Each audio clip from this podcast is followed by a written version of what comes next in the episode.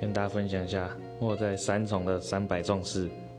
遇过台志远台哥，没错。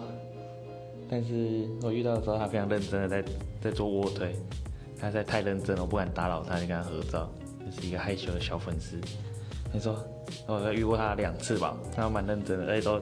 很晚的时候去，然后坐超久了，然后还没有跟他要合照，希望之后还可以再遇到他。